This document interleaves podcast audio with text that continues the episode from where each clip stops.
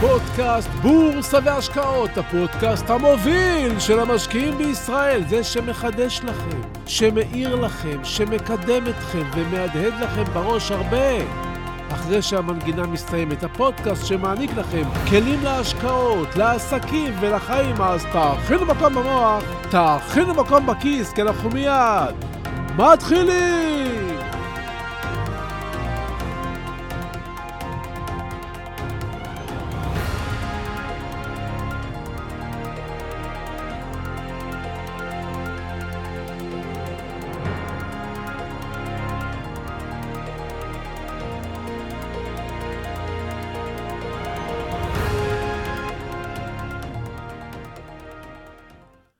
אנחנו נולדים מאמינים. מאמינים למה שמספרים לנו.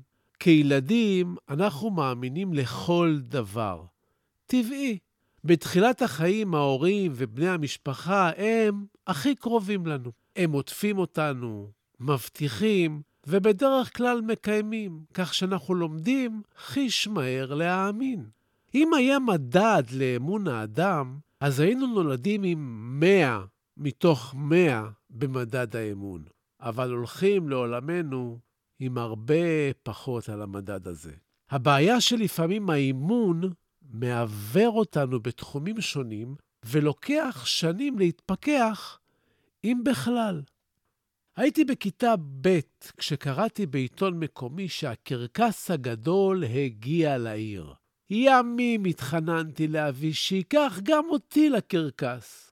ימים ארוכים חלמתי על אוהל גדול, על אורות צבעוניים, על נמרים, על דובים, קופים, ליצנים, צבעים, ממש ראיתי את זה בעיני רוחי, כמו בתוכנית טלוויזיה שראיתי פעם. ואז, בערב אחד של קיץ חם, התלבשנו יפה והלכנו להתאכזב מקרקס של אריה רחוב, ליצן עצוב וגמל, שגם הוא לא הבין מדוע הוא שם. מהקרקס, כמו שאתם מבינים, כבר לא נהניתי, אבל הבנתי שלא צריך להאמין לכל דבר שכתוב בעיתון. ככה מדד האמון שלי החל לסגת. זה היה הצעד הראשון שלו לאחור שאני זוכר. בכיתה ח' כבר הייתי צריך לבחור לאיזו מגמה להירשם בבית ספר התיכון. אלה היו שנות ה-80 של בתי הספר המקצועיים. ללמוד מקצוע, זה היה החזון. וככה, בביקורים בין בתי הספר השונים בכיתה ח', התגלגלתי לבית ספר אורט בעיר מגוריי. ובסיורים השונים בתוך בית הספר הגעתי למעבדת רובוטיקה. נפעם עמדתי שם, כשמנהל המחלקה, לבוש חלוק לבן ומעוטר בשפם שחור, הצליח בעזרת קופסה מחוברת לכבל להזיז את הזרוע של מה שנקרא רובוט. זה היה מלהיב, קסם, וואו, אתם אולי לא מבינים, אבל זה בערך כמו לצפות היום באיילון מאסק מתדלק את החללית שלו. לכאן אני רוצה להגיע. החלטתי בתוכי ממש באותו רגע, תוך שאני מתמסר לסיפוריו של מנהל המגמה על לימודי הרובוטיקה והבוגרים שעושים חיל בעולם. המילה הייטק עוד לא נלחשה אז. נרשמתי לבית הספר הזה, ואחרי שנה מתישה הצלחתי להגיע למגמת מכשור ובקרה בה למדו את מגמת הרובוטיקה. אבל שוב, הבנתי עם הזמן כמה תמים הייתי אז, כאשר ראיתי שלוש שנים רצופות את הרובוט הזה מכוסה בניילון, בצירוף איסורים והוראות ברורות שאסור לעמוד בקרבתו. הניילון הוסר אחת לשנה. כשהגיעו תלמידים של כיתות ח' להתעניין ולבדוק מה כדאי ללמוד. חייבים לשדל תלמידים להגיע לתיכון כדי שבית הספר יהיה מבוקש, הבנתי. לך תאמין למורים. ככה חשבתי לעצמי לאחר שהבנתי, אבל זה כבר היה מאוחר מדי. במהלך שנות חיי ראיתי המון מודעות וכתבות בסגנון הקרקס הגדול הגיע לעיר. ראיתי קרקסים רבים. חלקם היו נפלאים, וחלקם היו כמו הקרקס הראשון שלי. הצד השני של האמונה הוא חוסר האמונה, והוא מלווה לא פעם בציניות. ציניות ואובדן אמון מוחלט. אלה הם אסון. כי ברגע שאנחנו לא מאמינים ומזלזלים בכל מידע, אנחנו לעולם לא יכולים להשקיע, ובעקבות זאת לא יכולים להרוויח ולהצליח. ההזדמנות, אם כן, עוברת דרך שביל הזהב, שנמצא בין אובדן התמימות לבין ההתרגשות מהחדש, ללא ציניות, אבל גם ללא תכונות של פטי מאמין לכל דבר. בעולם שוק ההון אנחנו קוראים ומקבלים מידע כל יום מסוגים שונים. טעויות עולות כסף בשוק ההון. אז למי להאמין? לא להאמין, כן להאמין. איך לבחור? מה לעשות? אה, על זה בדיוק רציתי לדבר איתכם היום. שלום וברוכים הבאים לפודקאסט בורסה והשקעות, הפודקאסט המוביל של המשקיעים בישראל, והיום נדבר על בחירות והזדמנויות, נדבר על השקעות, רעיונות וכמובן עוד דברים מעוררי חשיבה, אז תהיו ממוקדים, תכינו מקום במוח, תכינו מקום בכיס, כי אנחנו מיד ממשיכים.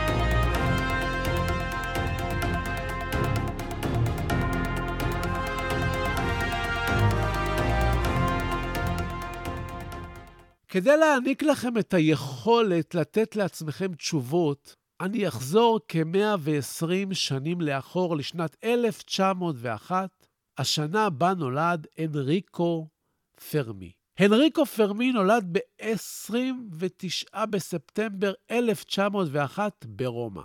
כבר בנעוריו החל להתעמק בלימודי הפיזיקה. בגיל צעיר פרמי התקבל למוסד האוניברסיטאי למחוננים בפיזה, ובתוך שנים אחדות הוא סיים שם את לימודיו בתואר דוקטור. משם הוא עבר להולנד ופגש לראשונה והתיידד עם אלברט איינשטיין, ומשם עבר לפירנצה. בגיל 24 כבר לימד באוניברסיטת פירנצה הנחשבת פיזיקה ומתמטיקה. בשנת 1926 גילה את חוקי הסטטיסטיקה הידועים כסטטיסטיקת פרמי, ובשנת 1927 עבר לאוניברסיטת רומא. פרמי חקר את נושא האטום והיה חלק מהקבוצה שבנתה את הכור האטומי הראשון.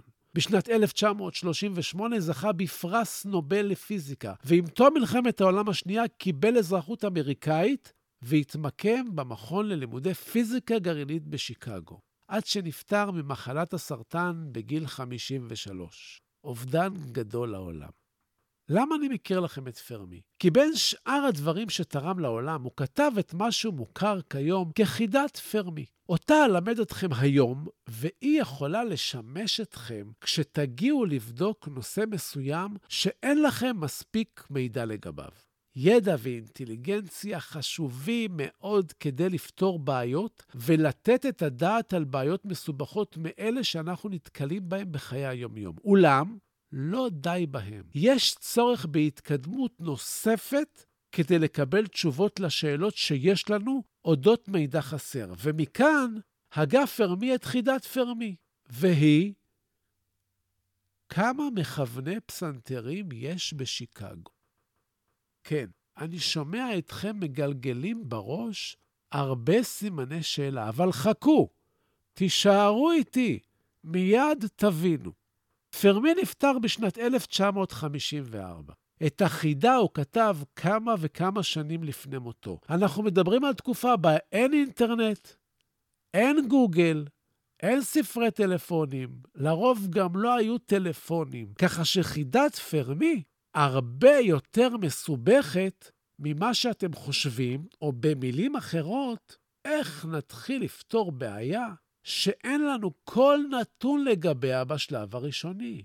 זה בדיוק כמו שאתם מגיעים לשוק ההון ואומרים לעצמכם, טוב, קראתי והבנתי מבחינה טכנית איך לקנות, אבל מה לעזאזל לקנות? איזו מניה נחשבת טובה?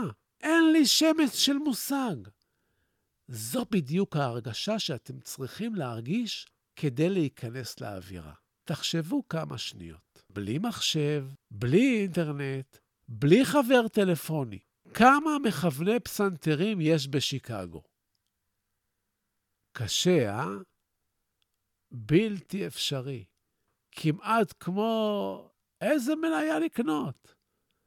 אתם יודעים מה? זה נשמע לי אפילו יותר מסובך מאיזו מניה לקנות. בעיה שאין לך נתונים עליה, נשמע כמו איך להתנהל בעולם שאתה לא יודע איך הוא עובד, או איך להשקיע בשוק שאין לך ניסיון של עשרות שנים בו, או במילים אחרות, איך לסחוט.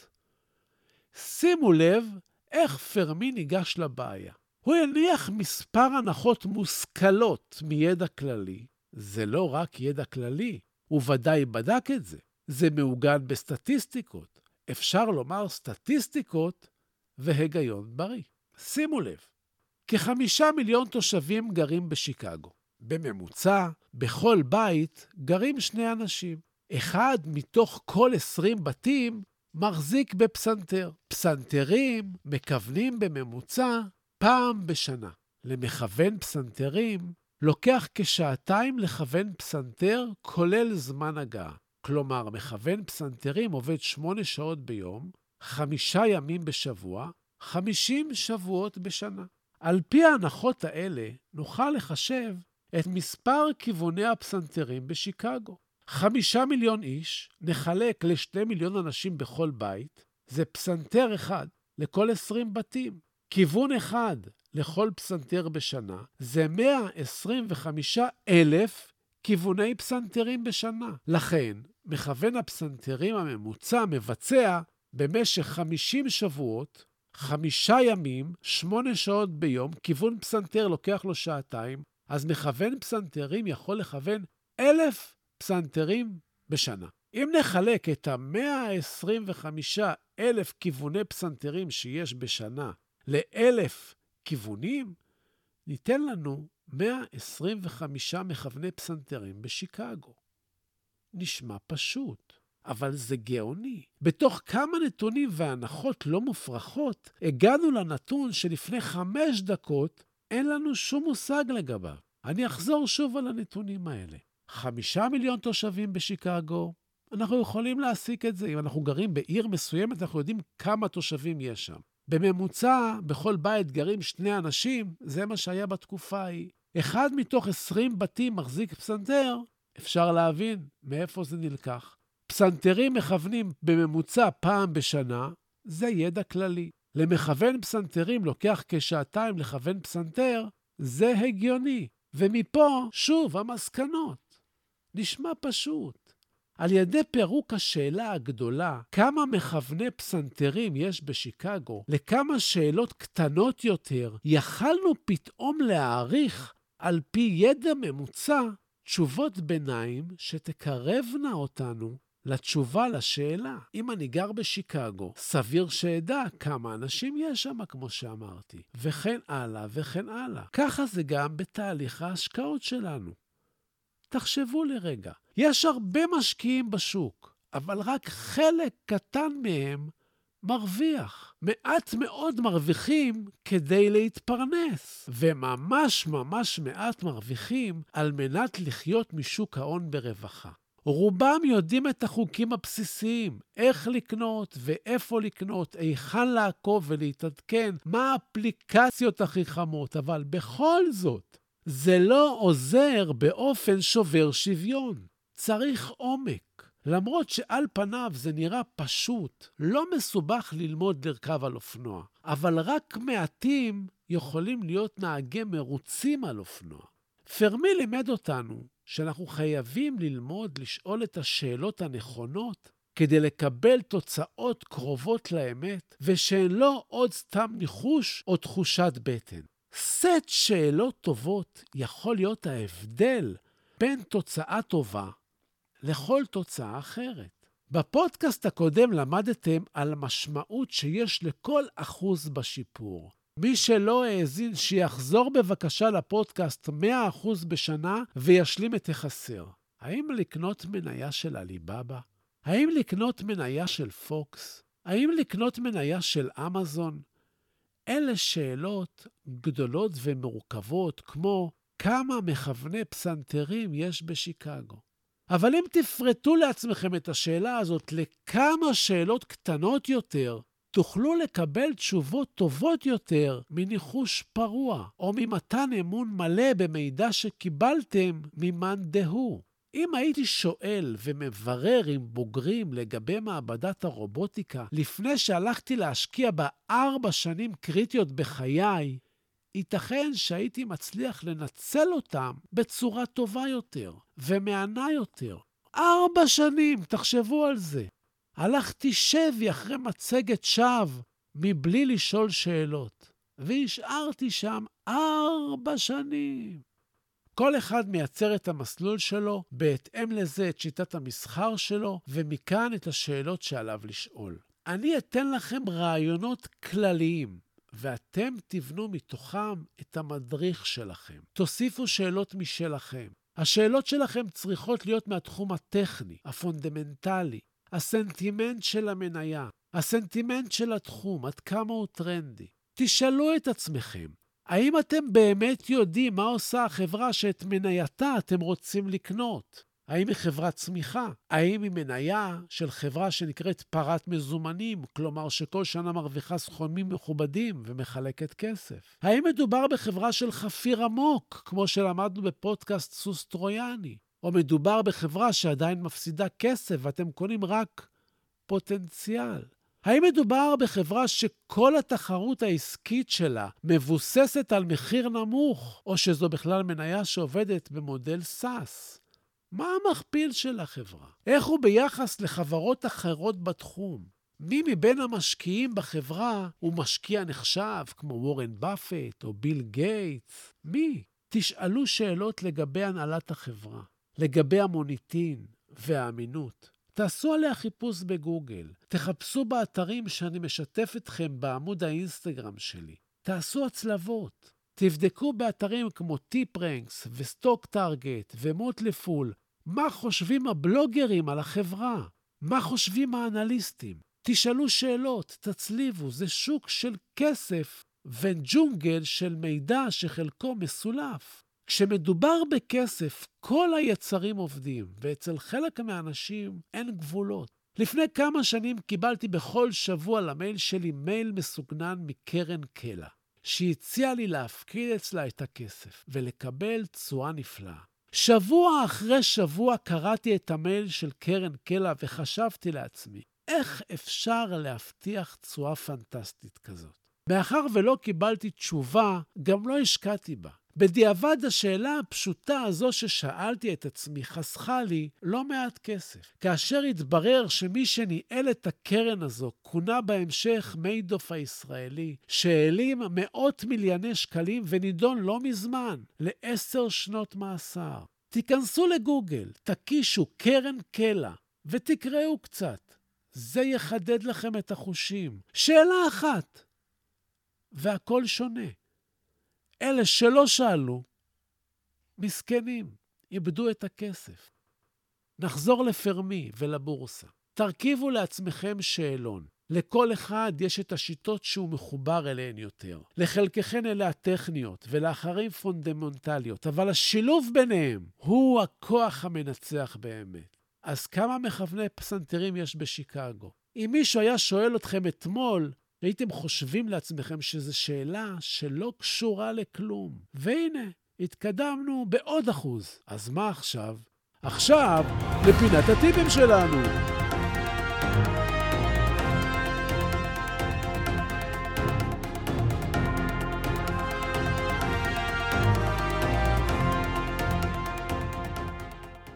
שימו לב למילים שאנחנו שומעים סביבנו. לפעמים הכיוונים שאנחנו זקוקים להם בעת בחירת מניות פשוט נמצא באוויר, סביבנו. אז מה אנחנו שומעים עכשיו? שבבים, מחסור בשבבים, העולם זקוק לשבבים, מכוניות חשמליות צריכות שבבים, מחשבים צריכים שבבים, טלפונים צריכים שבבים, וכותרות העיתונים זועקות מחסור! אם קיים מחסור, סימן שכושר הייצור של המפעלים לא מספק את הביקוש, ואם הוא לא מספק את הביקוש, צריך להתרחב. להקים עוד מפעלים. ומי ירוויח? ראשית, החברות שמסייעות להקים את המפעלים האלה, שבלעדיהם לא ניתן להקים את המפעלים, כמו Applied Materials, נובה, קמטק, Lam Research ועוד. וגם החברות שמייצרות ומספקות שבבים תיהנינה בהמשך. חלק מאלה כבר עשו מהלך, אז תבחרו. תבחנו ותשתמשו בשיטת פרמי לבחור אם ובמי להשקיע. טוב, אה? אז זהו לנו להיום. ובסיום, אני שב ומציין, כי אין במה שאני אומר המלצה מקצועית או ייעוץ מקצועי. את אלה תמיד כדאי לקבל מיועץ מוסמך עם רישיון. לי אין. אני רק משתף אתכם במה שאני חושב. המניות שאני לפעמים מדבר עליהן כאן, אתם צריכים לדעת, אני לפעמים קונה מהן, לפעמים מוכר, אבל אני אף פעם לא מנסה לכוון אתכם לפעולה כלשהי, אלא רק, נכון, לגרום לכם לחשוב, לחשוב, לחשוב, אז תודה. תודה להילה ברגמן שעורכת, מאירה, מפיקה וגורמת לפודקאסט הזה להיות. תודה לכם על התגובות החמות, על השיתופים. תראו איזה מקום כבר הגענו בספוטיפיי. תמשיכו ותפיצו, אנחנו גדלים ביחד. אני מבקש, תשלחו את הפודקאסט עכשיו לעוד מישהו שלא קיבל מכם. ועד הפגישה הבאה שלנו אתם מוזמנים לשמור איתי על קשר, לבקר באתר האינטרנט שלי סודות, co.il. לשלוח לי מייל, לכתוב לי דעתכם, צביקה, שטרודל, סודות, נקודה co.il, לעקוב אחריי באינסטגרם, סודות, כף תחתון בורסה, באנגלית, תגיבו, תשאלו, תעלו נושאים ואני אחזור לכל אחת ואחד מכם. אני מבקש, סמנו שאהבתם, תשלחו את הפודקאסט לכמה חברים. כן, אני רוצה עוד מאזינים, תשתדלו, תפיצו. תודה שהאזנתם לי, תחכו. קצת אחרי המנגינה שהיא נגמרת, תשמעו קטע יפה שתאהבו. אז uh, הלוואי שתתעשרו בקרוב, ואנחנו ניפגש בקרוב, ושיהיו לכם רק בשורות טובות. אז להתראות!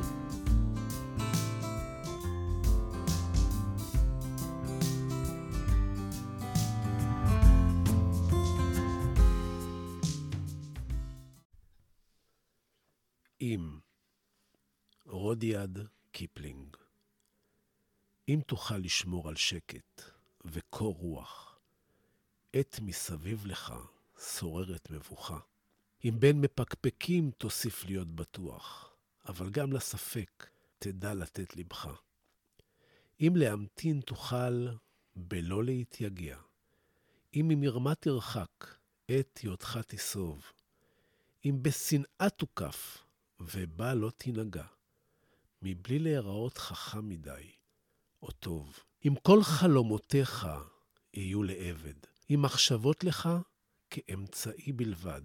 אם ניצחון תפגוש, או מפלה נוקבת, ובשניהם, בני בלע, תנהג מנהג אחד.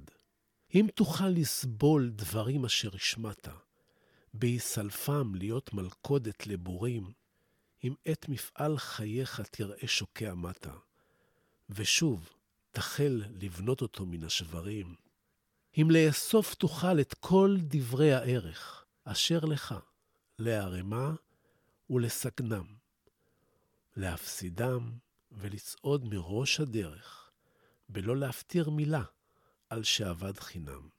אם לבבך יוסיף לפעום ללא מנוח, וגם בכבוד העול, בעול יהי מושך. ולא יחדל עת אבד ממך כל הכוח, כל עוד רצונך קורא אליו, המשך. אם בין המונים תחזיק במידותיך, ובחצר מלכות תדע לנהוג פשטות. אם לא יאכלו לך אויביך או רעיך, אם כל אדם תוקיר כיאה וכיאות. אם למלא תוכל כל דקה לא נסלחת, בשווי ריצה למרחק של שישים שניות. לך, לך תהיה הארץ וכל אשר עליה. ועוד יותר מזה, בני, תהיה אדם.